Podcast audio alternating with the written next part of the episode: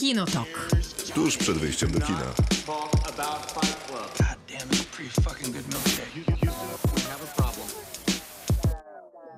a to oczywiście czołówka sieci kin europejskich.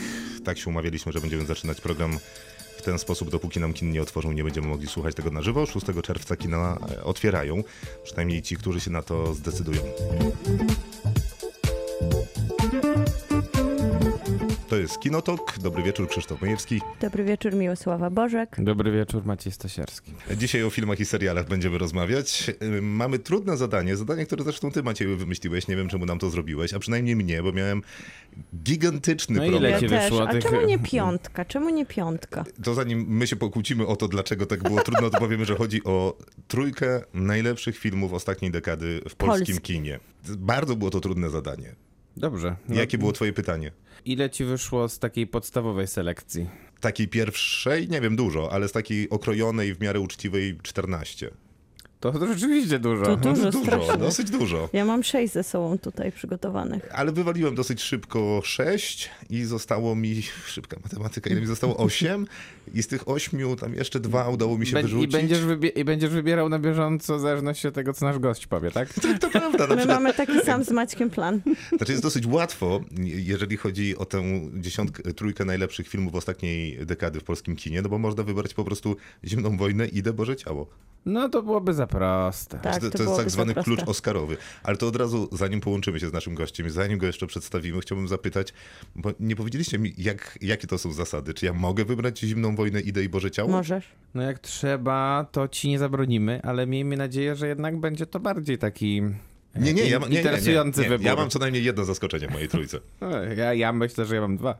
A to dobrze. E, Miłka, ty masz jakieś zaskoczenia? Tak, na pewno jedno, a na pewno dwa nie są zaskoczeniem. Ale ja mam sześć, więc ja jeszcze mogę zaskoczyć Ale nie możesz mieć sześciu, Nie. Miłko, bo to nie działa tak, że Ale teraz nie, powiesz, że na ja trzecim będę- miejscu masz egzekwo dwa, e, dwa filmy. A ja na drugim tak egzekwo dwa, a na pierwszym masz egzekwo dwa. Oczywiście, że nie mogę, ale trochę mogę, Ale na ale też trzecim trochę ja bym mogę chciał mieć egzekwo jednak. Nie, jednak nie. To sam wybrałeś tę trójkę i naskatowałeś, e, No. żeby wyrzucać filmy, które lubimy. No zwykle mieliśmy trójkę. Troszkę z Maćkiem Więc- postanowiliśmy, że można robić tak, że jeżeli ktoś już wymieni nasz film, to zawsze można dorzucić inny, żeby było ciekawiej. Nie, nie, nigdy tak nie robiliśmy. Nie oszukujmy się. Będziemy robić honorowe Była to wspominki. dekada z bardzo dobrym, bardzo dobra deka, deka, dekada dla polskiego kina i warto po prostu, żeby wybrzmiało dużo tytułów. A wszyscy, którzy nas słuchają, mogą też nas posłuchać jutro, albo powiedzieć znajomym, że słuchajcie, słuchałem świetnego programu o filmach i serialach, ale nie martwcie się, też możecie go posłuchać, bo jest podcastem i był na długo przed tym, jak był audycją radiową, więc można go posłuchać na Spotify'u i wszędzie tam, gdzie słuchacie podcastów. Niezmiennie prosimy o wszelkiego rodzaju subskrypcje. Michał Oleszczyk to jest człowiek, który pomoże nam z tym dużym problemem, jaką jest y, trójka najlepszych polskich filmów dekady. Krytyk filmowy, selekcjoner festiwalowy, juror, człowiek filmowa orkiestra. I, od, I pomoże nam też w wiwisekcji najnowszego filmu Małgorzaty Szumowskiej później. To jest trudny orzech do zgryzienia. Ja myślę, że nawet łatwy. No, ja, ja nie wiem. Córka Boga się nazywa nowy Tak. film Małgorzaty Szumowskiej, debiut Czyli The Other Lamb Bo- e, po angielsku. nakręcony po angielsku. Y, Być może zrezygnowano z tego tytułu w polskim tłumaczeniu, ponieważ on tak wizualnie dosyć często przypomina, jaki mógłby być oryginalny tytuł tego filmu w sensie angielski. I To jeszcze prawda. będziemy mówić o tym, co w robocie, czyli fajne rzeczy, które można by zacząć oglądać online albo niebawem będzie można zacząć oglądać. I będziemy rozmawiać o Mrs. America, czyli bardzo ciekawym miniserialu HBO. y, W Nie którym, HBO. y, Hulu, ale który Nie, możemy... FX w ogóle chyba, tak? FX on Hulu. O, właśnie. Żeby być dokładnym. HBO tylko pokazuje. Chodziło mi o to, że można go obejrzeć na HBO, ale dobrze, bądźmy, bądźmy uczciwi. Kinotok. Film. Czas na top 3 najlepszych polskich filmów ostatniej To już dekady. samo w sobie brzmi niemożliwie. Top 3. Powinniśmy mówić top 3 najlepszych polskich filmów e, dekady. A top 3 to nie zawsze jest najlepszych? Tak swoją drogą? A to jest całkiem Zasadne pytanie. pytanie. Przepraszam. Ale dobrze, Nie, no, dobrze, dobrze. Bez tautologii na antenie program nie jest zaliczony.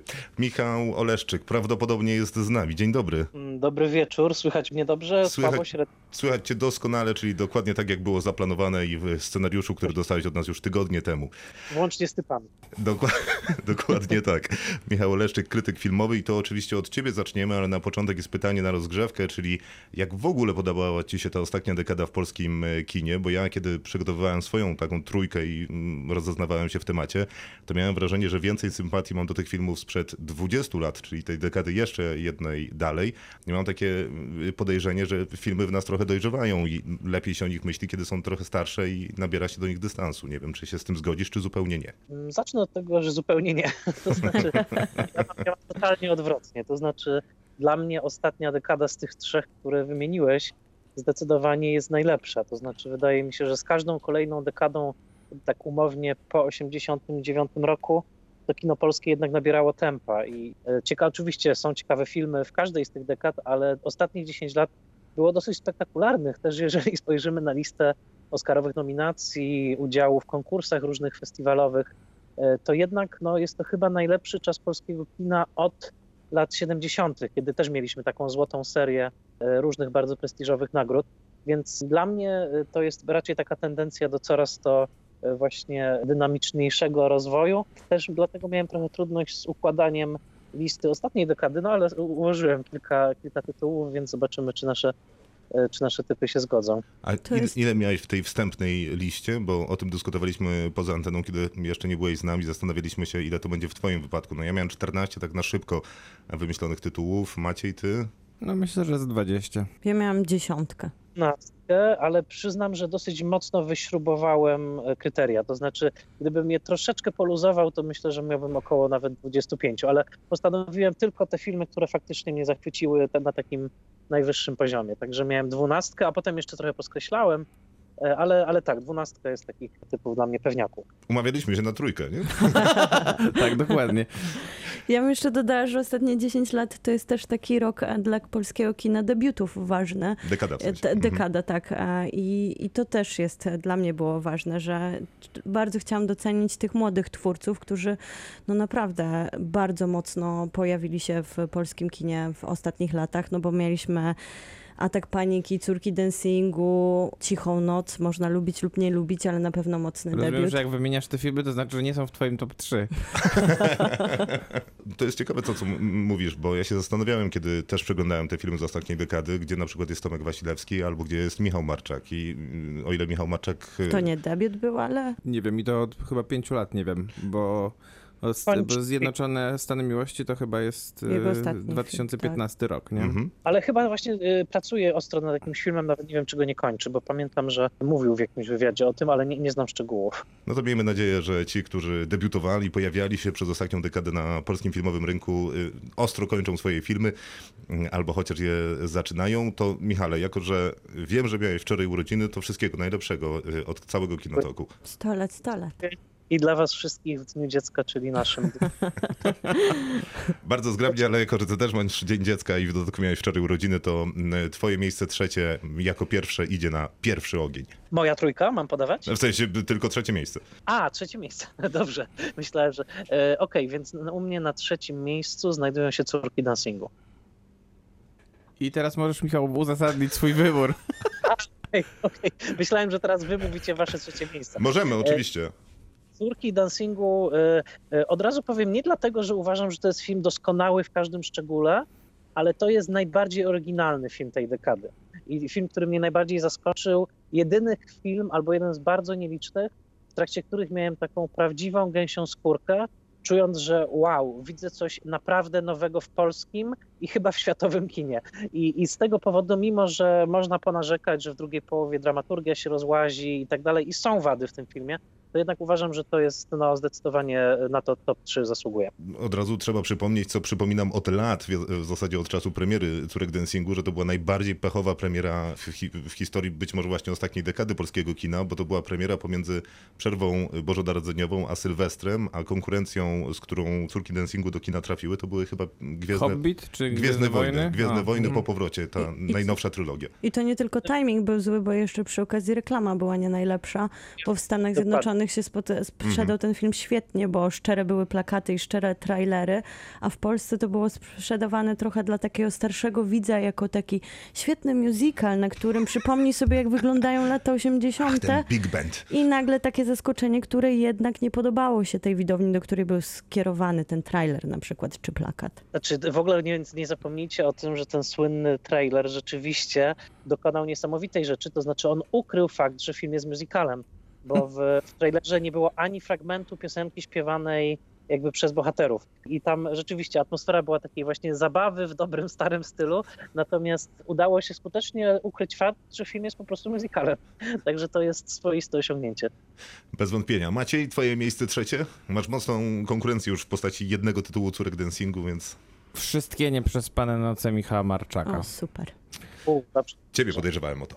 Ja mam na mojej Pokazuję na szóstce. ciebie ja mam na mojej szóstce, ale już nie dorzucę do Zastanawiałem się nad, nad Jagodą Szelc, ale jednak z całym szacunkiem dla Jagody musiała wypaść z mojej tro, top trójki. Więc ani Monument, ani, Ani Wieża Jasny, jasny, Dzień. dzień nie będzie już niestety.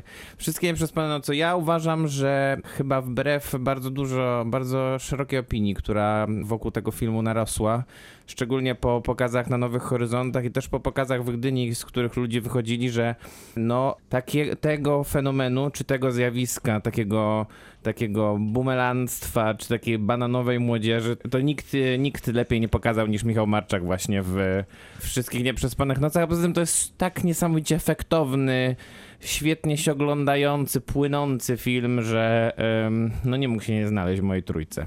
Też ścieżką dźwiękową dodam. Tak, dokładnie. Ja właśnie przygotowuję piosenkę z y, tego filmu, więc myślimy chyba podobnie. Miłosława? No ja mam trochę problem, bo córki dancingu też były na moim e, trzecim miejscu, ale skoro już być. są wymienione, to może skoro mam szóstkę do wykorzystania, to podmienię coś, ale bardzo, bardzo doceniam córki dancingu Agnieszki Smoczyńskiej, ponieważ ja na przykład nie lubię musicali i bolą mnie strasznie sytuacje, w którym jestem zmuszona w kinie do przeżywania tego i są miłe zaskoczenia Poczekaj, oczywiście. ale La La Land lubisz, No właśnie, nie? są miłe zaskoczenia oczywiście, które przełamują tą konwencję, która mnie boli, czyli zmuszana, kiedy jestem zmuszana w tej sali zamkniętej do słuchania śpiewających aktorów.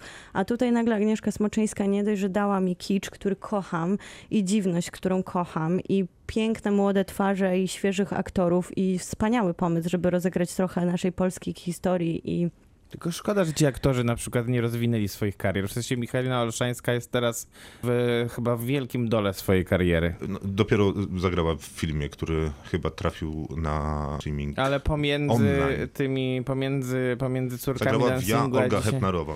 Tak, ale Tak, też zagrała na przykład Jezu, w serialu Agnieszki Holland i w filmie, którego teraz nie mogę, nie pomnę nazwi, nazwy, ale pamiętam, że był to jeden z najgorszych pokazów w moim życiu na Nowych Horyzontach. Zaraz sobie przypomnę, a ty możesz mówić. Tak, ale to skoro już jest zajęta ta Smoczyńska, to ja bym na przykład wymieniła Łukasza Palkowskiego i Bogów, Okej. bo to jest taki film, później też jeszcze był najlepszy, to jest e, taka kariera reżysera polskiego, który daje nam trochę Hollywoodu, czyli takich filmów, w których się dobrze dzieje, jest świetne tempo, są świetne dialogi, a przy okazji w Bogach jest opowiedziana też historia bardzo dla nas torsama, polska, podana w taki rozrywkowy, błyskotliwy, zabawny, ciekawy sposób.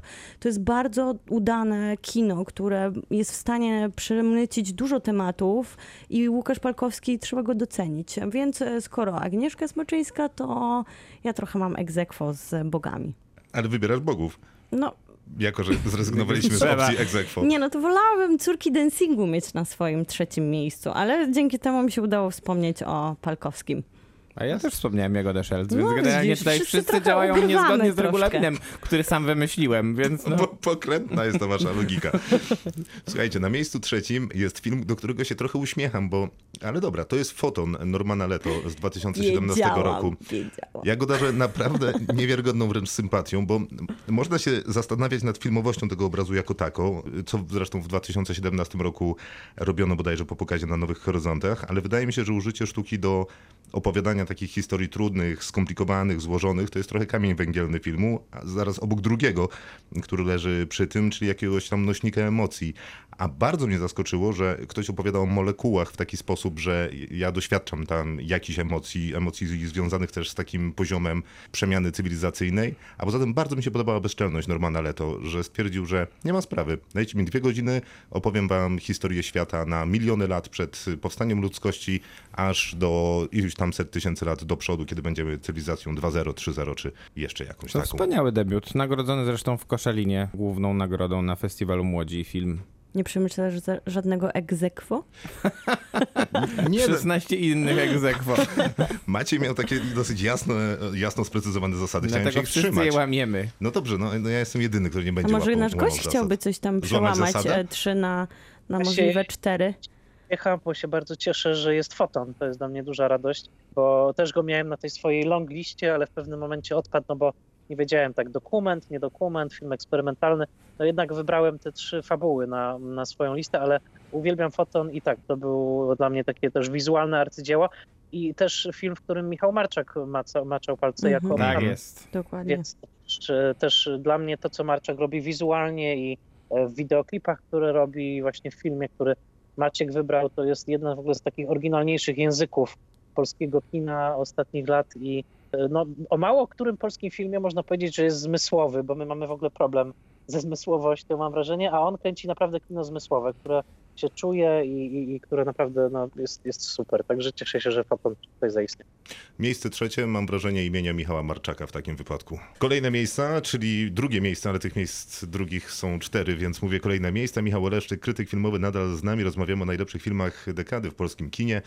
Na miejscu Tylko trzech.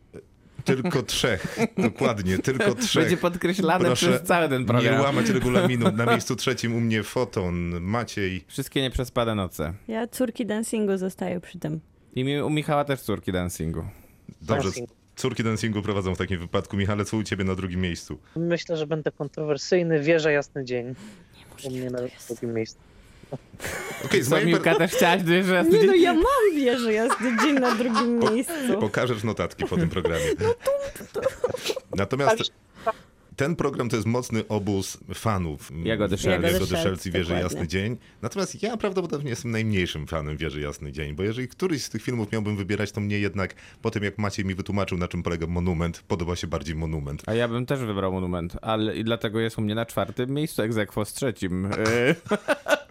Yy, To Prawie. ja mam totalnie inaczej, bo mnie monument nie zachwycił. Właśnie to jest to, że Ja to tak jest samo. bardzo ciekawy fenomen, bo y, dla tych, którzy, dla których wieża była taka o, dla tych osób monument się okazał najczęściej o wow, super, a ja Mhm. miałem dokładnie na odwrót. To znaczy wieża mnie bardzo zachwyciła, a monument, mimo że dwa razy widziałem, to jakoś zostawił mnie obojętnym, ale tak, wieża dla mnie to było jedno z objawień tej dekady i no tak, uwielbiam ten film i wiele, wiele razy go widziałem. To też mi się rzadko zdarza, w ostatnich latach zwłaszcza. No bardzo interesujące i faktycznie imponujące, że widziałeś go wiele razy, ale pytanie, czy widziałeś go na miejscu tam, gdzie był kręcony, bo tak się składa, że ja razem z tą panią Miłosławą byliśmy na miejscu, oglądaliśmy. Artystyce.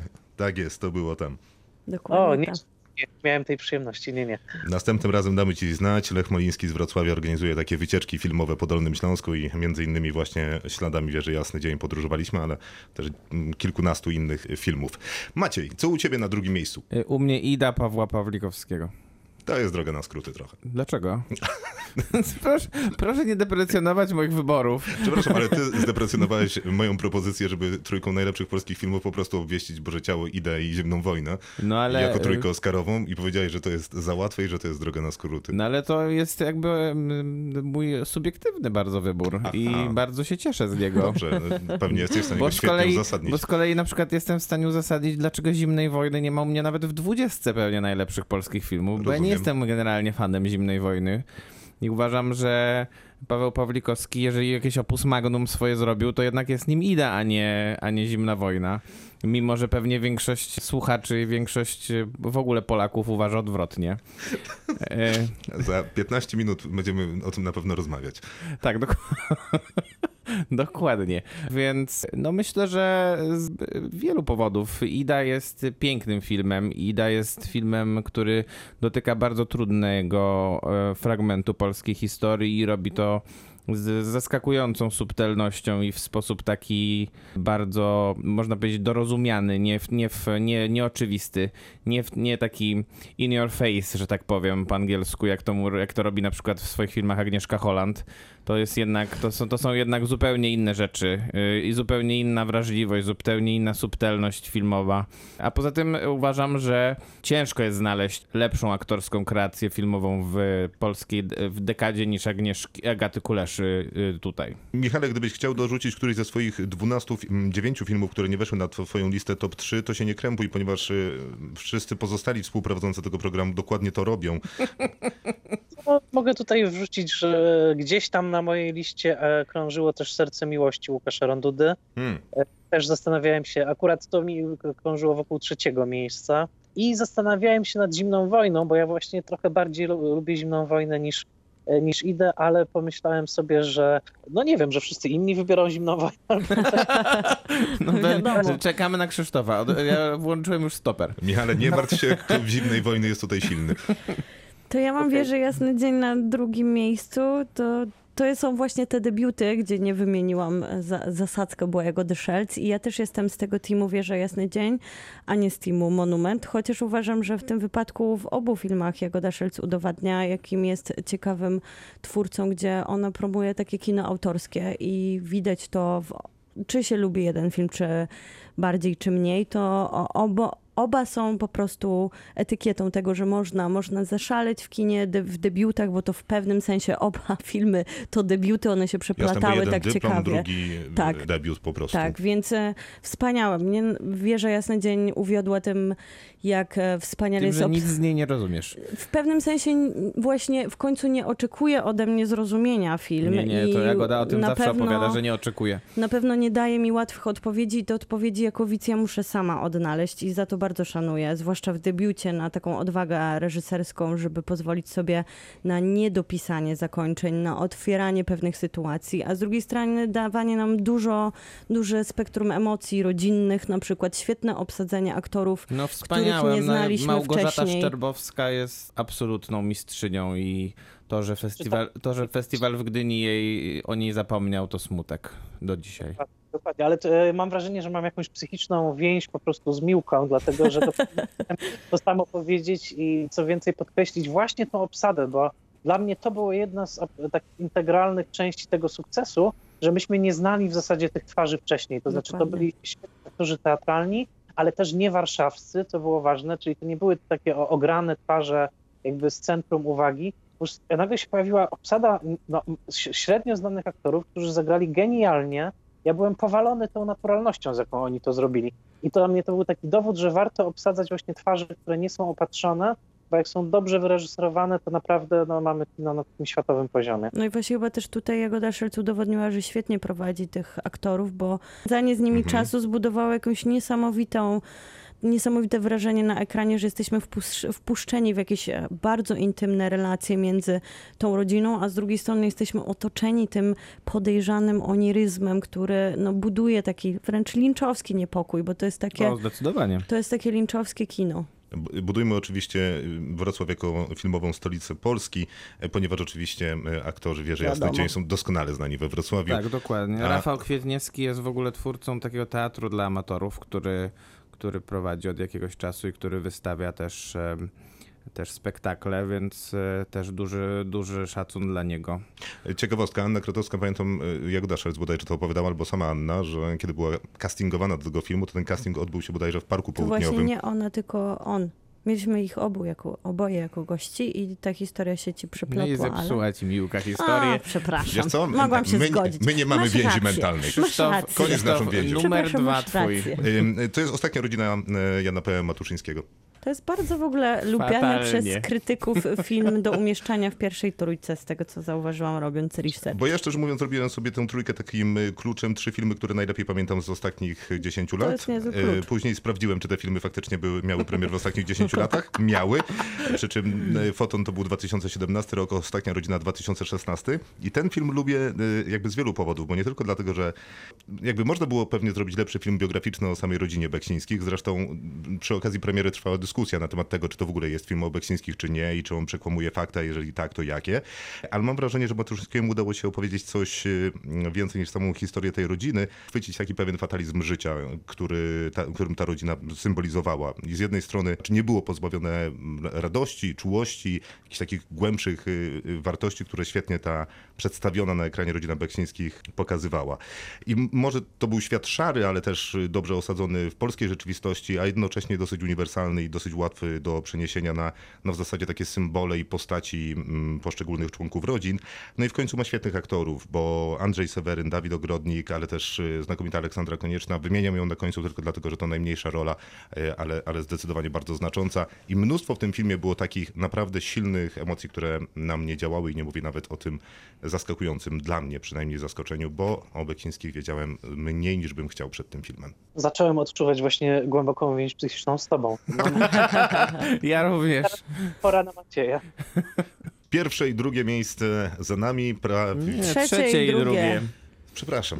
Mm, Pierwsze i drugie od końca miejsce za nami i parę filmów dodatkowych. Teraz Michał, będzie pierwszy od końca. Dokładnie tak. Nie, będzie Nie trzeci od końca. od początku. Nie kombinuj. Michał Oleszczyk, Teraz krytyk, będzie po prostu pierwsze. Michał Oleszczyk, krytyk filmowy jest nadal z nami.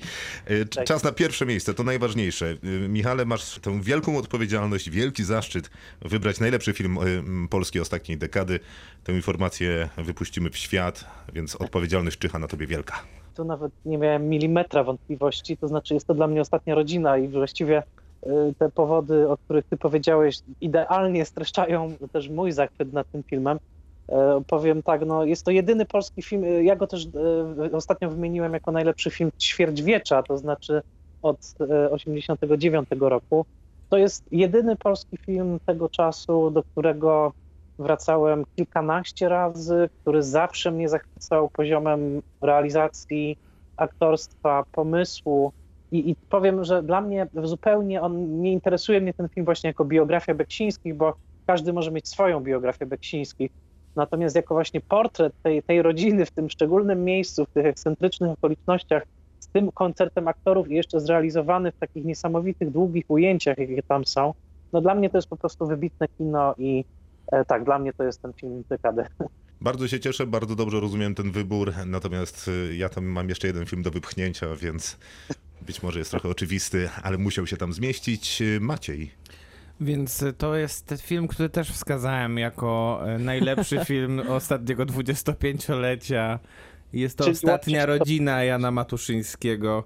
Ja mam, y, ja jedno zdanie jestem w stanie dopowiedzieć tylko, bo Krzysiek y, w, mm, w swojej wypowiedzi umieścił Aleksandrę Konieczną na końcu. Ja uważam, że musimy całować Jana Matuszyńskiego po nogach i po wszystkim właściwie za to, że odkrył y, ponownie Aleksandrę Konieczną dla polskiego kina, bo to jest y, bo to jest tak niesamowicie wielka wartość dodana dla polskiego kina, bo nawet ona w słabszych filmach y, y, czy serialach, gdzie występuje, robi taką niesamowitą rzecz. I gdyby tylko ten film był wybrany jako polski kandydat do Oscara, to na pewno byśmy mieli już dwa Oscary za najlepszy film nieanglojęzyczny. Tak jest, tak myślę. Został wybrany Łączy się- wtedy film. z tobą psychiczną siłą i też tak myślę, że tak, przynajmniej nominacja by była, tak, tak, Tak, mi się wydaje. Tak. W każdym razie, e, tak, no, wspaniały film i wspaniała konieczna. E, Dla mnie wówczas objawienie, naprawdę. Mi Tak. ona była bardzo mało znana e, i pamiętam, że, że nie mogłem od, od niej oderwać wzroku, mimo że ona sobie tam tylko w tle, nie wiem, gotowała zupę, Dokładnie. czy, przechodziła. to i było. Rozmawiała krótko z Dawidem Ogrodnikiem e, o, o jakichś takich niby błahych sprawach. E, Fantastyczne kino, ostatnia rodzina. e, No wybitny film. Bez żadnych wątpliwości. Miłka, oczywiście, masz coś zaskakującego na Nie, w pierwszym ogóle miejscu. właśnie nie. Pierwsze mam bardzo klasyczne. Z tego, co mieliśmy zrezygnować, Mhm. żeby nie było zbyt łatwo, mam Idę jako też jeden z takich najważniejszych filmów, nie tylko dekady, ale ten, który pierwszy zdobył nam Oscara, więc no ogromne, ogromne znaczenie też dla polskiego kina i ta passa się powtarza od czasu, kiedy Ida zdobyła tego Oscara, bo cały czas jesteśmy nominowani do kolejnych, czy zdobytych, czy nie, to w pewnym sensie jest jakaś taka wspaniały czas dla Polski w kinie międzynarodowym, czy Jasne. Zimna Wojna, która miała ogromną promocję ze strony Amazona i pojawiła się po prostu praktycznie mógł ją każdy oglądać w domu, więc Joanna Kulik mniej, oglądał. mniej bardziej udany dzięki Netflixie temu, wojna, tak. tak. Joanna Kulik mniej, ba- czy w mniej lub bardziej udanym The Edim, dzięki temu też e, pewnie oglądamy ją, jak, jak jej kariera się potoczyła dalej. No to jest piękny film, piękny, tak jak Maciek mówił, Wspaniały film. wspaniały film, taki bardzo cichy, intymny, ale też właśnie z, z takim trudnym e, wydźwiękiem w tle, który ogląda się niesamowicie z tą główną bohaterką, która przed nami tak po prostu nabiera takiego, takiego tempa w dosyć, dosyć e, trudno to określić, e, takim zupełnie inaczej opowiadanym filmie. No, wszystko się tu zgadza. Wydaje mi się, że zasłużenie ten Oscar i Paweł Pawlikowski, więc to jest moje pierwsze miejsce. W kontekście tych wszystkich nominacji i Oscarów y, polskich, które w ostatnich latach mieliśmy, to mam takie taką pewną satysfakcję, że zawsze się mówiło, że wszyscy grają w piłkę, Niemcy wygrywają. I Teraz mogę powiedzieć, że wszyscy robią filmy, Polacy są nominowani do Oscara i to jest duża przyjemność, zwłaszcza, że jestem mocno przekonany, że najlepszym filmem ostatniej dekady jest Zimna Wojna Pawła Pawlikowskiego No z wielu powodów. Chociażby y, pierwszy z nich jest y, 250 metrów od miejsca, w którym siedzimy, bo tam e, w naszej sali koncertowej były kręcone, wybrane zdjęcia do Zimnej Wojny Pawła Pawlikowskiego. W filmie jest tego 3,5 sekundy, y, natomiast filmowcy byli tutaj blisko dwa tygodnie. I to jest trochę irracjonalne uczucie, które mam do Zimnej Wojny, bo ono jest y, jednym z tych uczuć, które ten film wywołuje, ale ja nie bardzo potrafię o nim mówić, nie bardzo potrafię je doprecyzować. W sensie robi ze mną coś dobrego, a w, kontra- w, kon- w kontraście do Idy m, mówiliście, że to jest film y, cichy i spokojny, dla mnie za cichy i za spokojny, a Zimna Wojna ma takiego jazzowego kopniaka, ona mm, lubi mm, przeciągnąć jakby palcami po kontrabasie, e, czy wyciągnąć po prostu trąbkę. E, I i jakby nie jest trudno też mówić, za co się lubi ten film, bo zdjęcia Łukasza Żala to są genialne kompozycje w zasadzie w każdym kadrze. Joanna Kulik i Tomasz Kot y, jako ten taki emocjonalny tandem, który się przypycha, przyciąga i odpycha, mm, jest y, I fantastyczny. przepycha. Wy- Też przepycha. Wydaje mi się, że Borys Szyc y, ma tutaj O, jedną ze prawda. swoich najlepszych Tak. ról w życiu. E, A przede A potem wszystkim... zagrał Piłsudskiego, tak dla wyrównania. To prawda. E, I wydaje, Złego myśliwego w spokocie. A tak, w Pokocie jeszcze, tak, dokładnie, z tego... Jak... Złego, złego myśliwego. O, tak. dokładnie, dokładnie. I to, co mi się jeszcze bardzo podoba, co y, Paweł Pawlikowski robi, to to, że opowiada trochę Polskę, ale też przez moment Paryż, przez moment Berlin, e, w taki sp- sposób, no, że wyciąga nam z głowy takie obrazy, które mamy mm, mm, ukonstytuowane na temat e, poszczególnych miejsc, poszczególnego czasu i prezentuje nam je w dokładnie taki sposób, że bardzo łatwo się w tych miejscach osadza. Może to nie jest prawda o tych miejscach, ale y, taka opowieść obrazami ogólnie znanymi, być może z popkultury, jest czymś, co mi się bardzo w tym filmie podoba, jednocześnie jest bardzo zakorzeniony jakby w miejscu, w którym mm, jego historia się opowiada. Kawał fantastycznego kina. Mm, Nie wiem, czy ktokolwiek się zgodzi z moją y, argumentacją, ale nic mnie to nie obchodzi. Wszystko, co powiedziałeś, z wyjątkiem Wiadomo. tego, że w ostatnich 20 minutach trochę ten film jednak siada. To jest moje jedyne...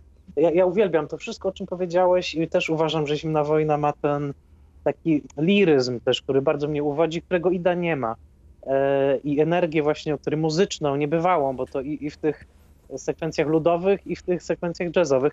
Niestety dla mnie ostatnie 20 minut trochę jest zejściem z tego, z tego wysokiego C e, i dlatego no, nie ma tego filmu na mojej liście, ale oczywiście bardzo go lubię. No to dla mnie to zejście to jest ostatnie 5 minut, ale to są już napisy. Haha, najlepszy żart. A co do nominacji Oscarowych? Miał ktoś Boże Ciało Jana Kumasy na liście? Takiej szerokiej? No takiej szerokiej. No, może się gdzieś znalazło. Szerokiej, szerokiej tak. Ja oczywiście, że miałem na szerokiej liście, ale szczerze mówiąc, pierwszy film Jana Komasy, który wymieniłem, to była Sala Samobójców Hater. E, film, ja który również. zrobił na mnie y, niewiarygodnie duże wrażenie, za to, zwłaszcza tę umiejętność y, mówienia o polskiej współczesności w sposób, nie wiem czy sprawiedliwy, ale taki próbujący y, być uczciwym. Zupełnie, zupełnie sprawiedliwy. Michał Oleszczyk, krytyk filmowy, nadal z nami, dlatego y, zapytamy jeszcze o może ze dwa tytuły, które się nie zmieściły na tej y, liście trzech filmów, które Maciej na przykład wydłużył do sześciu, mm, a które też z jakichś powodów dla ciebie były ważne. Yy, No, patrzę tu na tą listę, jeszcze kilka tytułów jest, ale wymienię takie, które może by gdzieś umknęły, które ja bardzo lubię, a bardzo niewiele osób je lubi.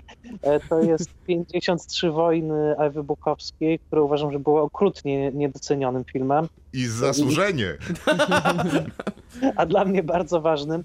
E, I, I bardzo ciekawy uważam się tutaj talent też reżyserski e, reżyserski pokazał. I też film, który miał jeszcze więcej hejtu, ale to będzie trzeci film napisany przez Roberta Bolestę w tym, w tym zestawie, to znaczy Hardcore Disco Krzysztofa Spanicznego, które mi się wydało w pewnym momencie takim fajnym głosem niezależnym, bo to film zrobiony za 100 tysięcy złotych, bez wsparcia właściwie żadnych szacownych gremiów, e, w sensie no, takich dofinansowujących w Polsce filmy, a film z niezłym takim kopniakiem energetycznym i ze świetnymi zdjęciami Kaspra Fertacza, zresztą nagrodzonymi w Camera Image główną nagrodą, więc jak na film niezależny, to to jest ogromny honor. Także tak, jeszcze Hardcore Disco była na Ja się podpisuję pod hardcore. Ja również. A Właśnie, jak Ja to było ładnie mówione przez ciebie, łączę się z tobą emocjonalnie, Psychicznie psychicznie. chyba.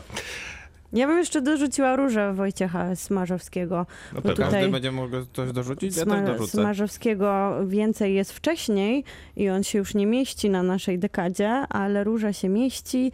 No i to jest, e, bo, bo ja też e, sobie zaplanowałam, że nie będę takich bardzo smutnych filmów wrzucać do trójki, więc dlatego Córki Denskingu, Wieża Jasny Super. Dzień.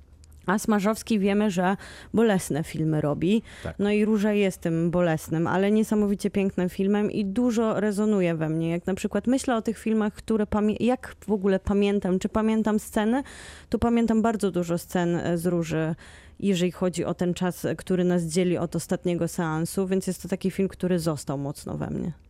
To ja dorzucę dwa tytuły. Supernowa, film Bartosza Kruchlika. Uważam, że jeden z najciekawszych debiutów ostatnich miesięcy na pewno, a też pewnie dekady.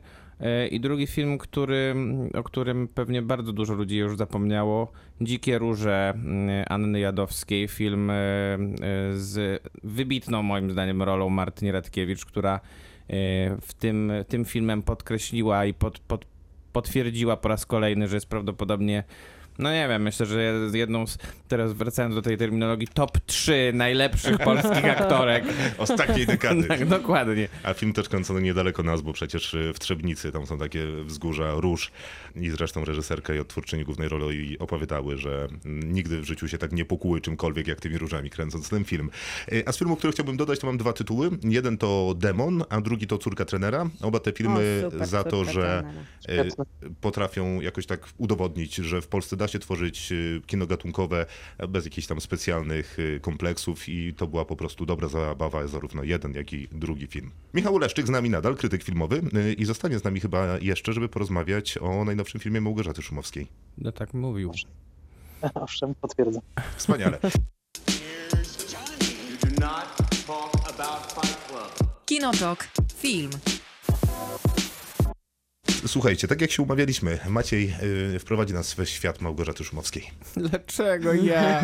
Nie, to najgorszy pomysł. Dlaczego to zrobiłeś? No Małgorzata Szumowska nie jest moją ulubioną reżyserką.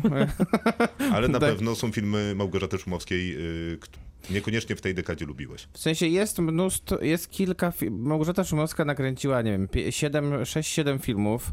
Ona ma. Ona z jednej strony jest wyśmienitym reżyserem, jeśli chodzi o umiejętności prowadzenia narracji, aktorów. Technicznie jest, jest reżyserem naprawdę sprawnym, reżyserką, przepraszam. Natomiast y, no, ja mam zawsze problem z jej filmami, bo u ni- w, w tych filmach te ta tematyka jest zwykle na pierwszym miejscu, a potem dopiero jest realizacja. Właściwie tylko z jednym filmem jej nie miałem tego problemu, to było Body Ciało, nagrodzone Srebrnym Niedźwiedziem na festiwalu w Berlinie. E, którego Małgorzata Szumowska jest zresztą stałą bywalczynią. tak, i zdobyła tego Srebrnego Niedźwiedzia zresztą dwukrotnie, bo też za twarz, która jest z kolei filmem absolutnie nieakceptowalnym pod w każdym, w każdym zakresie. Masz listę, pod, którym, pod którą mogę się podpisać w tej sprawie? Tak, oczywiście mam, y, zbieram podpisy od, odkąd się ten film pojawił, już mam ich około 38 milionów. Czekaj, teraz E. będę sprytnie wprowadzał gościa. Michał Oleszczyk jest z nami. Też się zastanawiam, y, jak twoje życie z Małgorzatą Szumowską mija. No może nagrajmy to jako klip dźwiękowy i puszczajmy od czasu do czasu to pytanie. Moje życie z Małgorzatą Szumowską było bardzo różne. To znaczy są jej filmy, które mnie bardzo zirytowały, które zdecydowanie bym zaliczył do porażek. To jest na przykład Sponsoring, jej, jej właściwie francuski film z e, Juliette Binoche. E, natomiast e, no, Małgorzaty Szumowskiej się nie da zignorować ze względu na jej niewątpliwy talent. Tak? To jest ten przypadek, o którym zresztą wspomniał Maciej, że Tutaj po prostu widać reżysera i e, reżyserkę, widać tą, tą rękę, widać to, to bezbłędne wyczucie sytuacji aktora i nawet kiedy te filmy nie do końca mnie przekonują, a tak na przykład było z twarzą, której nie jestem wrogiem, ale która oczywiście miała dla mnie wiele cech, które no, jakoś, jakoś do mnie nie przemówiły, to ja za każdym razem czuję, że ja naprawdę jestem w rękach reżyserki, która wie, co robi. I to, i to bardzo sobie cenię. Natomiast są jej filmy, które lubię bardzo i to jest Body, Ciało i to są 33 sceny z życia. Tak bym w skrócie streścił, jak ładnie ująłeś moje życie z Małgorzatą. No właśnie, to y, teraz Prawie doszło, bym się podpisał. doszło do połączenia y, psychicznego ponownie, y, bo Prawie, wydaje mi się, bo że... wyłączając tę kwestię twarzy, która, której z niezwykłą satysfakcją zawsze wystawiam 1 na 10. A ja z dużą satysfakcją podpisuję się pod 33 scenami z życia. Dzisiaj będziemy rozmawiać o Córce Boga, czyli najnowszym filmie Małgorzaty Szumowskiej, który no, trafił na ten pęchowy czas y, pandemii koronawirusa i y, Może dobrze. z szans On na się premierę kinową. świetnie, on się świetnie odnajduje na Netflixie. Wydaje mi się, że tutaj, tutaj nic nie stracimy, że nie pójdziemy do niego no, do kina. A tutaj e, myślę, że on się świetnie wpisuje e, The Other Lamp w to, o czym mówiliście, czyli to, że Małgorzata Szumowska jest taką reżyserką, która mi się przynajmniej wydaje, zawsze chce opowiedzieć jakąś strasznie istotną historię Ważną w sensie. tak ważną, Mhm. dlatego tak świetnie się odnajduje na Berlinale, bo tam się docenia takie zaangażowane historie.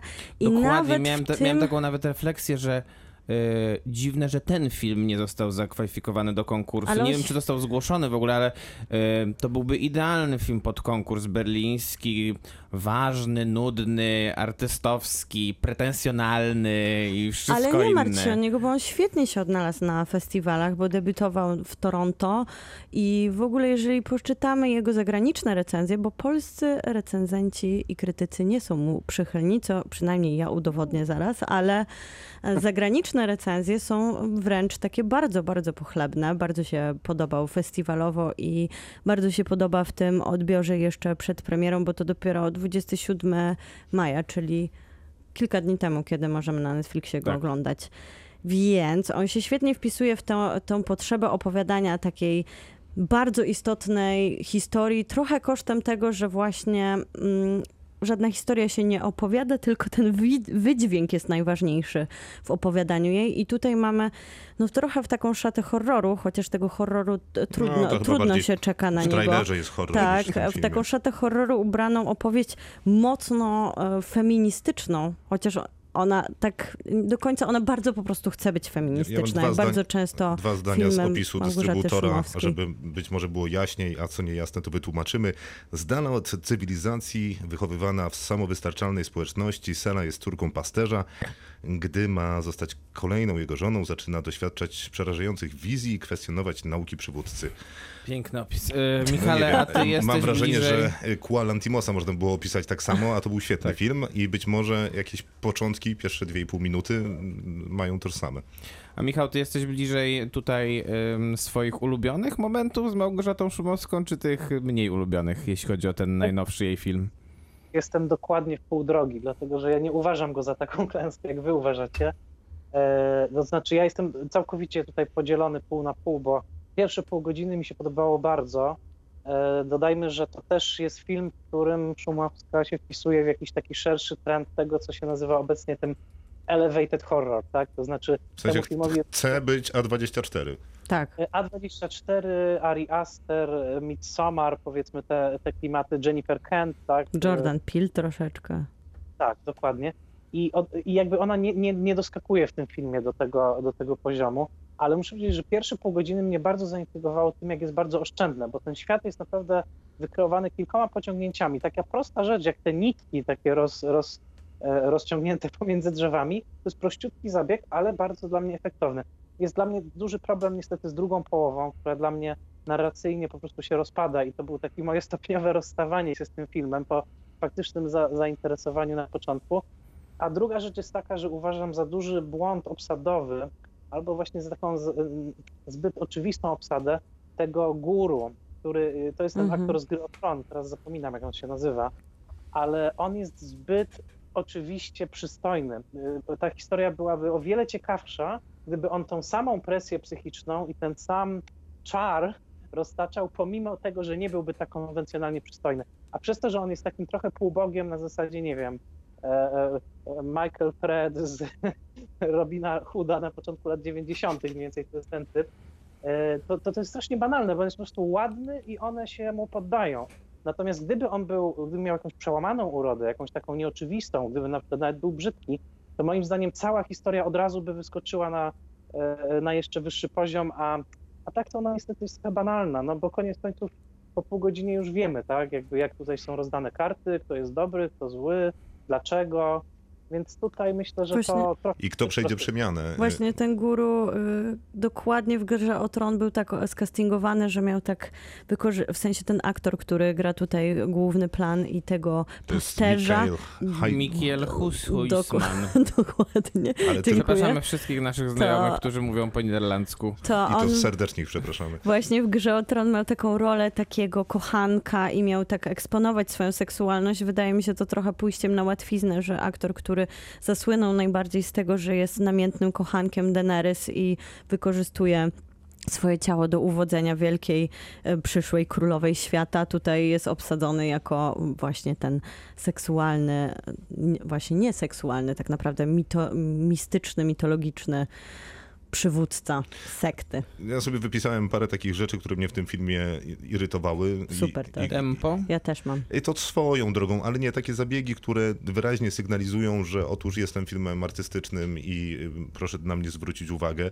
Więc jeżeli film zaczyna się od ujęć pod wodą, to mam wrażenie, że jeżeli ktoś chce komuś powiedzieć, że coś będzie mistyczne, oniryczne, jakieś tam na granicy psychiki, jakiejś takiej mm, głębokiej przemiany, to to jest chyba droga, którą już ładnych parę lat nie powinno się iść. W sensie to jest już klisza klisz i no są po prostu lepsze sposoby, a- m, których nie znam oczywiście, ale zakładam, że reżyserka pokroju Małgorzaty Szumowskiej mogłaby je znać.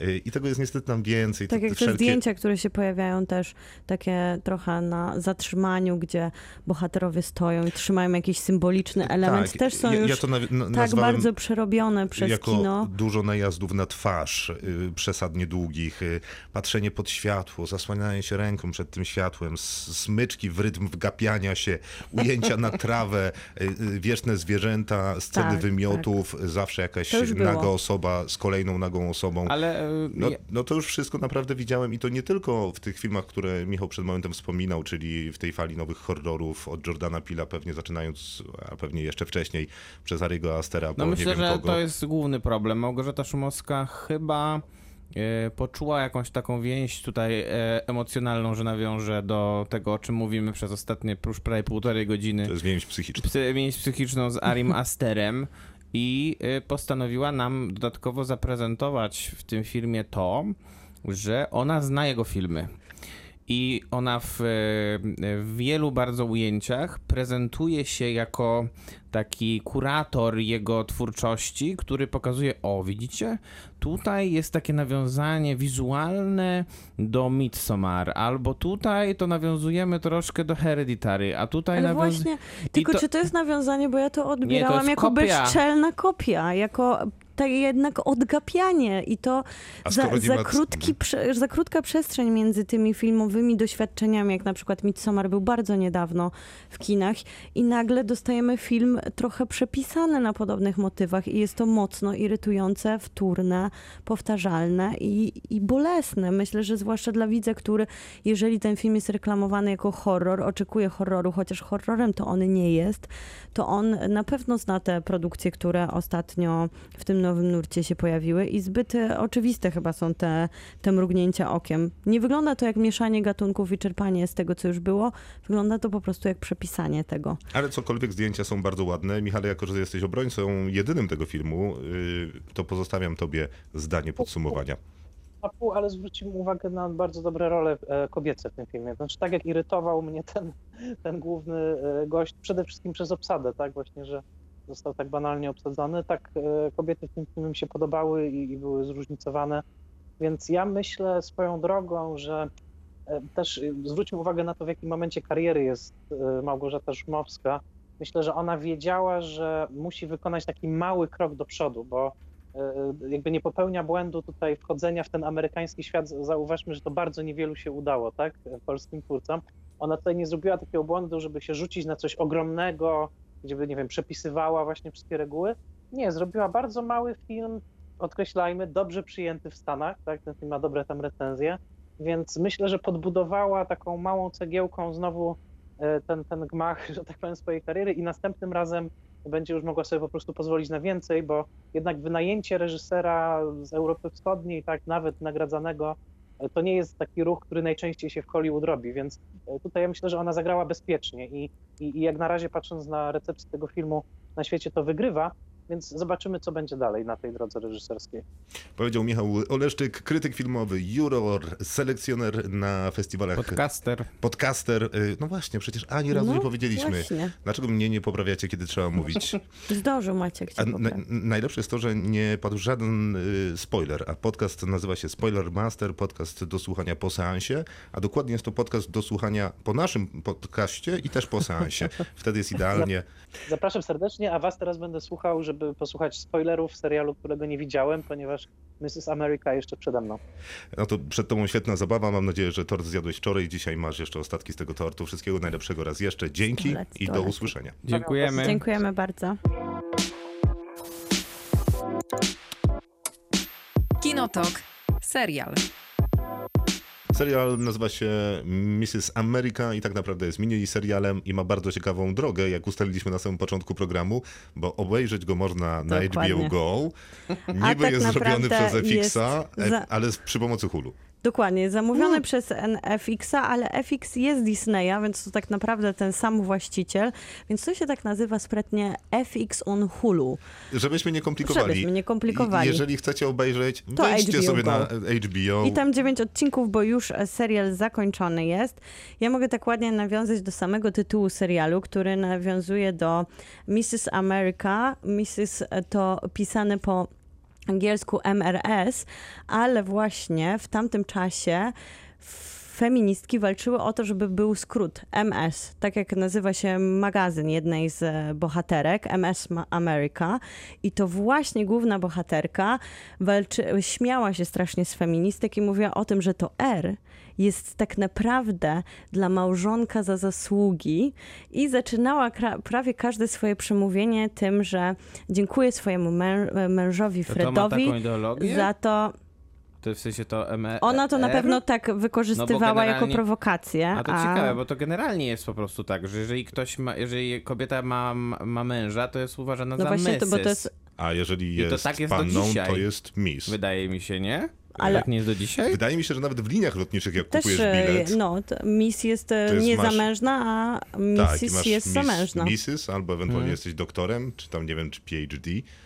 No E, dobra, no. No dobra, ale jest to, jest to ciekawostka, ale no. to mówi, że y, I ona Phyllis zaczynała- Schlafly tak, y, tak. argumentowała? Tak, i ona też zaczynała każde swoje serialu. przemówienie od tego, że dziękuję swojemu Fredowi, czyli swojemu mężowi, Tak. za to, że pozwolił jej tutaj być i Co śmiała się z tego, tak, że nic bardziej nie irytuje feministki, jak właśnie takie stwierdzenie. To ciekawe, ja tylko dodam na wstępie przed y, wprowadzaniem do tego serialu, trochę od końca, wybaczcie, że film, y, główna bohaterka y, serialu, czyli Phyllis Schlafly, Szlafli. jest y, do znalezienia również na przykład na YouTubie i tam jest mnóstwo jej Bardzo dużo jest. dyskusji najróżniejszych.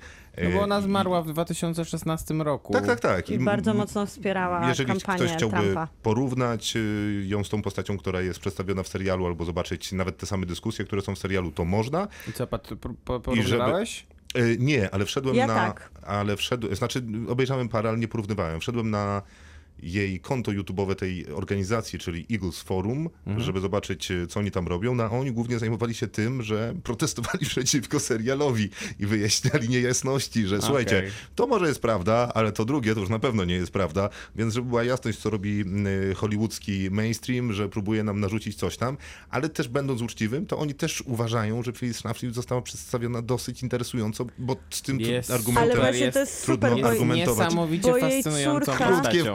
Wprowadzenie, jesteśmy w latach A 7. poczekaj, ja tylko dodam, że właśnie Ale to córka To prowadzenie ma suszyć Corey, wszystkim, założyła przede najpierw wszystkim słuchaczom. To tylko do tego, e, co powiedziałeś, że założyła taką organi- w ramach swojej organizacji, zebrała prawników, żeby później, kiedy serial już wyjdzie, zaatakować go za to, że obraża matkę, całą organizację i fundamenty, ale Mhm. na szczęście jednak się mimo wszystko wycofali.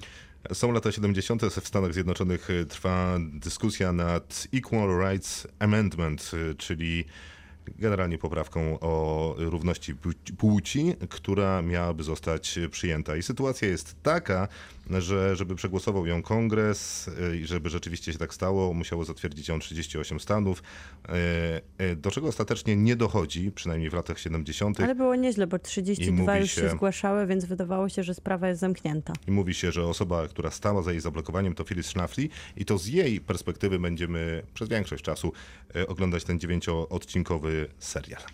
No nie Proszę, tylko Wika. z jej perspektywy, bo chyba tutaj Dlatego klasycznie trochę... powiedziałem w większości, przez większość Bo czasu. tutaj trochę mamy taki klasyczny zabieg serialowy, że każdy odcinek jest poświęcony innej bohaterce, No chociaż i tak ona i jest nie, na, bo jednak najważniejsza. główną postacią jest przez cały serial Phyllis Schlafly. I, jest jeden odcinek, w której jest praktycznie Jej nie- nie ma- jest nie ma- jedna osoba, nie mamy co do tego Nie wątpliwości. ma jej w odcinku w Houston. Tak, w E, Houston.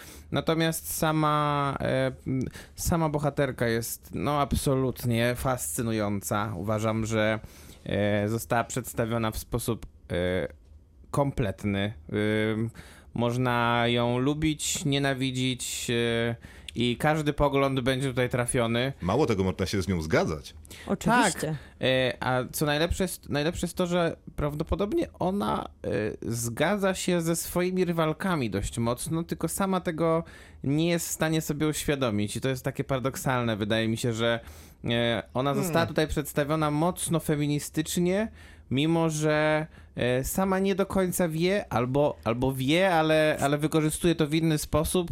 Że jest po prostu, ona była pewnego rodzaju W pewnym feministką. sensie ona trochę to wie, bo znacząca jest scena, która jest faktyczna, że ona się przebiera na swój egzamin pra na prawnika i zakłada perukę, żeby nie została rozpoznana i na przykład oceniona przez dziennikarzy właśnie dlatego... Może inaczej, wie to na pewno, ponieważ e, feministki mówią jej o tym w Tak. postaci chociażby plakatów, mówiąc, że Phyllis Schlafly, i to jest jakby sposób zwalczania Phyllis Schlafly, że otóż tak, jesteś feministką, wychodzisz z domu, jeździsz po świecie, No, aktywizujesz ludzi, też. mało tego, rządzisz fundacją, które, znaczy stowarzyszeniem, czy jak to się formalnie nazywa e, w Ameryce, które ma tam ileś, być może nawet 10 osób, e, 10 tysięcy osób, Tysięcy, tak. E, więc no, jesteś ciężko pracującą kobietą w gruncie Oczywiście, rzeczy. oczywiście. Jest tam później taki dialog między tymi, które współpracują z właśnie główną bohaterką, takimi jej całą najważniejszą ekipą, prawą ręką, wszystkimi tymi, które za, zakładały z nią organizację i one rozmawiają, feministki do nich podchodzą i pytają je,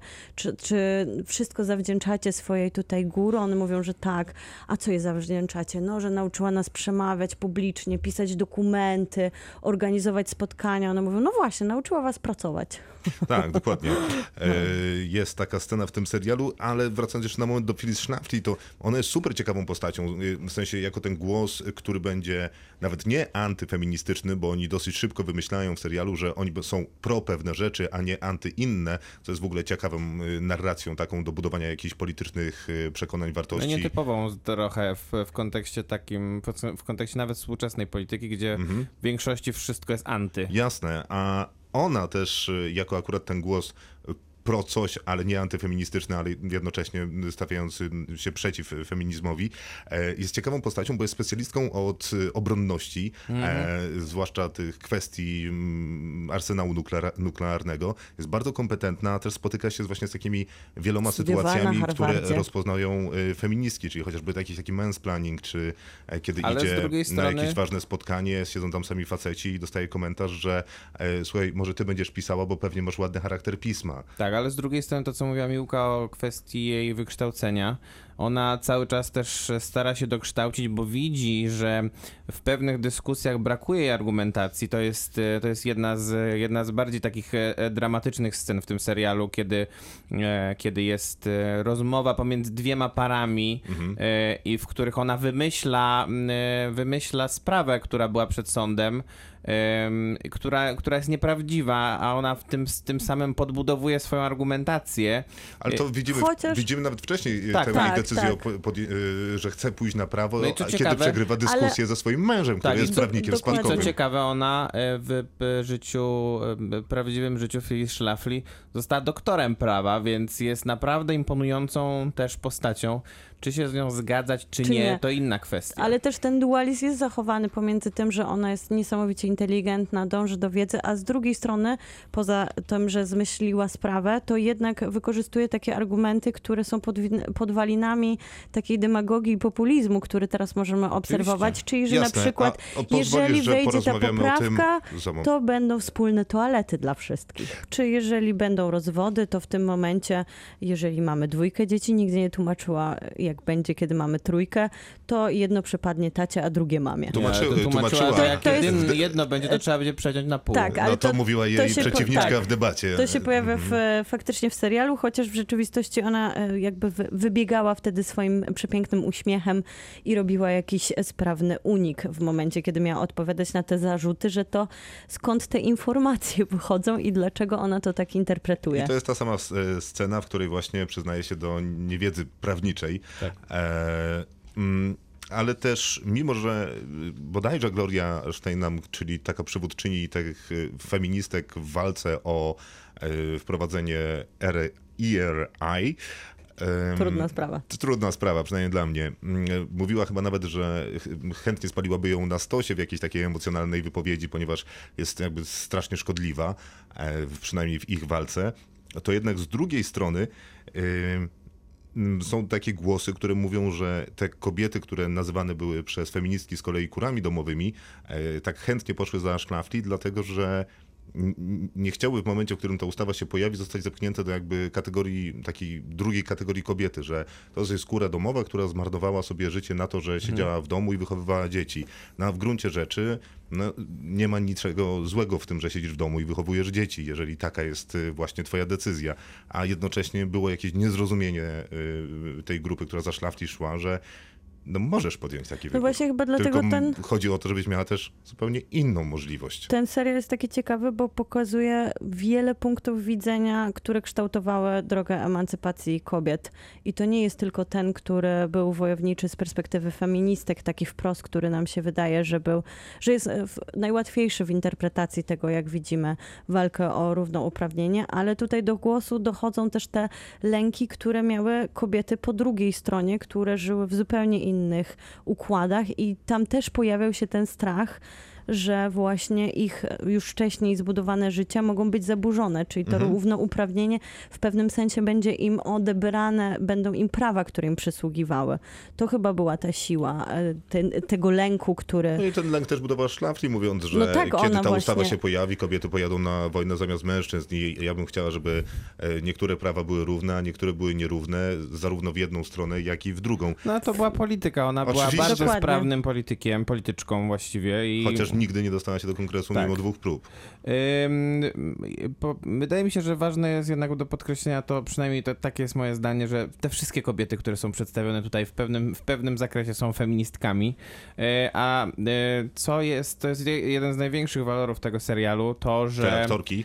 Że nie, że ten serial nie ośmiesza żadnego argumentu. A Tak, tak, tak, oczywiście, tak. to jest E, Że, absolutnie. bo, bo, bo bardzo łatwo byłoby ośmieszyć Phyllis Schlafly, jeżeli by, jeżeli by mm, e, na przykład poglądy twórców tego serialu przeważyły szale i oni by po prostu nakreślili tę postać w taki sposób, że ona stałaby się bardzo szybko karykaturą. E, to, to trochę jakby, nie wiem, jakby, jakby ktoś nakrę chciał nakręcić serial o Donaldzie Trumpie i oparł tylko i wyłącznie serial na em, jego tweetach. No to to No jest, tak. no to, to wtedy można rzeczywiście bardzo łatwo zrobić karykaturalną postać.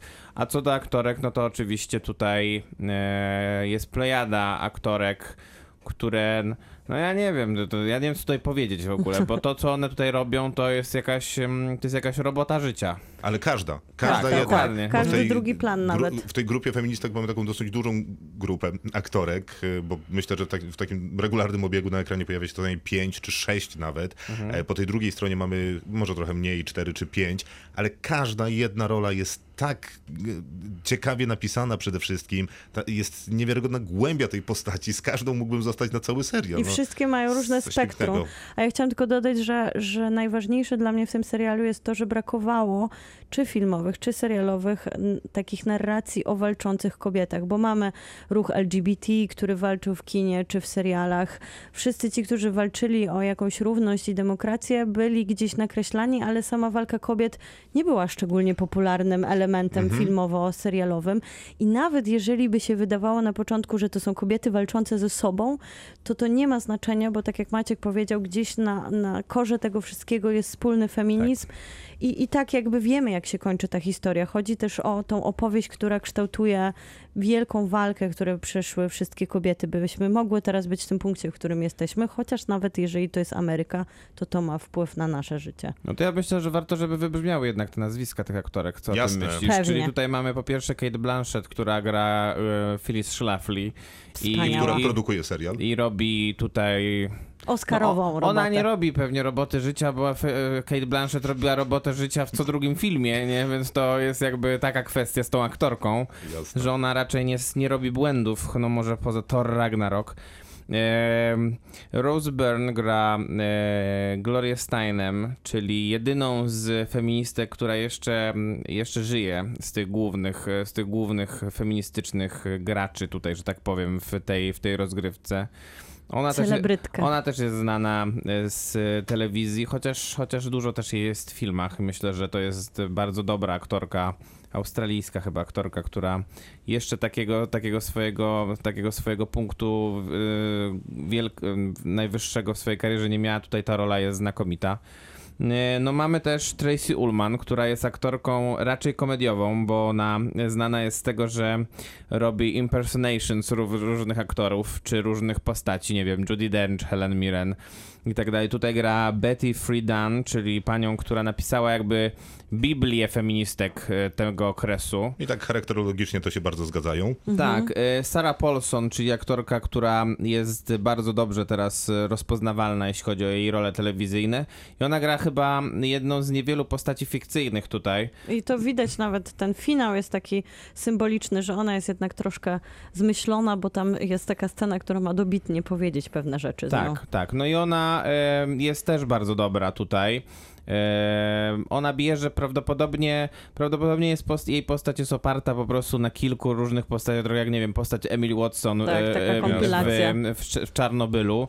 E, No i takie aktorki trochę mniej znane, czyli Uzo Aduba e, z Orange is the New Black. Ona gra e, pierwszą czarnoskórą kongresmenkę amerykańską I Shirley Chisholm. Tak, Do, na prezydenta. i e, moja osobista faworytka w tym serialu, czyli Margot Martindale, aktorka też raczej telewizyjna, która gra taką najbardziej chyba kolorową z tych aktywistek, e, też kongresmenkę, która nie dostała się potem do Senatu, mm, Belle Abzug. To jest moja faworytka, uwielbiam Też? ją. O, No, Uwielbiam ciężko nie- absolutnie. No więc e, e, Elizabeth Banks, ona jest aktorką, reżyserką, dużo robi e, w telewizji i w kinie. I ona gra tutaj jedną z niewielu republikanek po stronie tej feministycznej. Ona Też bardzo jest, jest doradczynią p- prezydenta Forda jeszcze. I ta lista się ciągnie, Tak. I ciągnie, i i ciągnie, ciągnie. i każda z nich jest fantastyczna. Tak. E, Nawet my, ale trzeba też wspomnieć, że męskie role też są świetnie Tylko skastingowane. ról nie ma za dużo. Jest ale tylko sobie John Slattery całkiem, tak całkiem nieźle radzą w tle. Tak, tak, no miło, że tam są. E, Cytat z Glory Steinem, e, który pojawia się w tym e, serialu, który go pewnie też nieźle uwspółcześnia, bo w niektórych stanach e, Ameryki e, ta ustawa ER, ERI została dopiero co przyjęta, nawet w tym roku. I ona mówiła tak, jak długo mamy czekać, aż ludzie przyzwyczają się do zmiany, czy tylko ja mam tak, to jest brzydkie słowo, dość czekania. Ile jeszcze kobiet umrze od pokątnych aborcji, gdy czekamy, aż mężczyźni poczują się komfortowo z tym, że mamy kontrolę nad naszymi własnymi ciałami. I tego rodzaju narrację uprawiała ona i te wszystkie kobiety, z którymi walczyła po jednej ze stron. Y, To tyle. Y, Musimy kończyć. I to, był, wsp- to jest wspaniały serial i trzeba go obejrzeć. Tak, to jest dziewięć odcinków to z zamkniętej historii, historii o Ameryce, takiej bardzo mocno Też, taki, Skoncentrowanej też dla na takich faktach. ludzi jak ja, czyli którzy bardzo lubią też polityczne rzeczy, więc Mhm. tutaj jest strasznie dużo polityki. Ale wydaje Mm. mi się, że tak mocno wręcz wytłuszczonej, żeby każdy zrozumiał, Tak. bo ona jest wręcz tak nam przekładana szkolnie. A Krzysztof tutaj teraz Majewski. będziemy. Tak, Miłosława Bożek. Maciej Stasierski. To był Kinotok. Dziękujemy serdecznie. Zapraszamy na Spotify'a. Tam można kliknąć y, mm, śledź. Dziękujemy. Do usłyszenia. Kinotok. Tuż przed wyjściem do kina.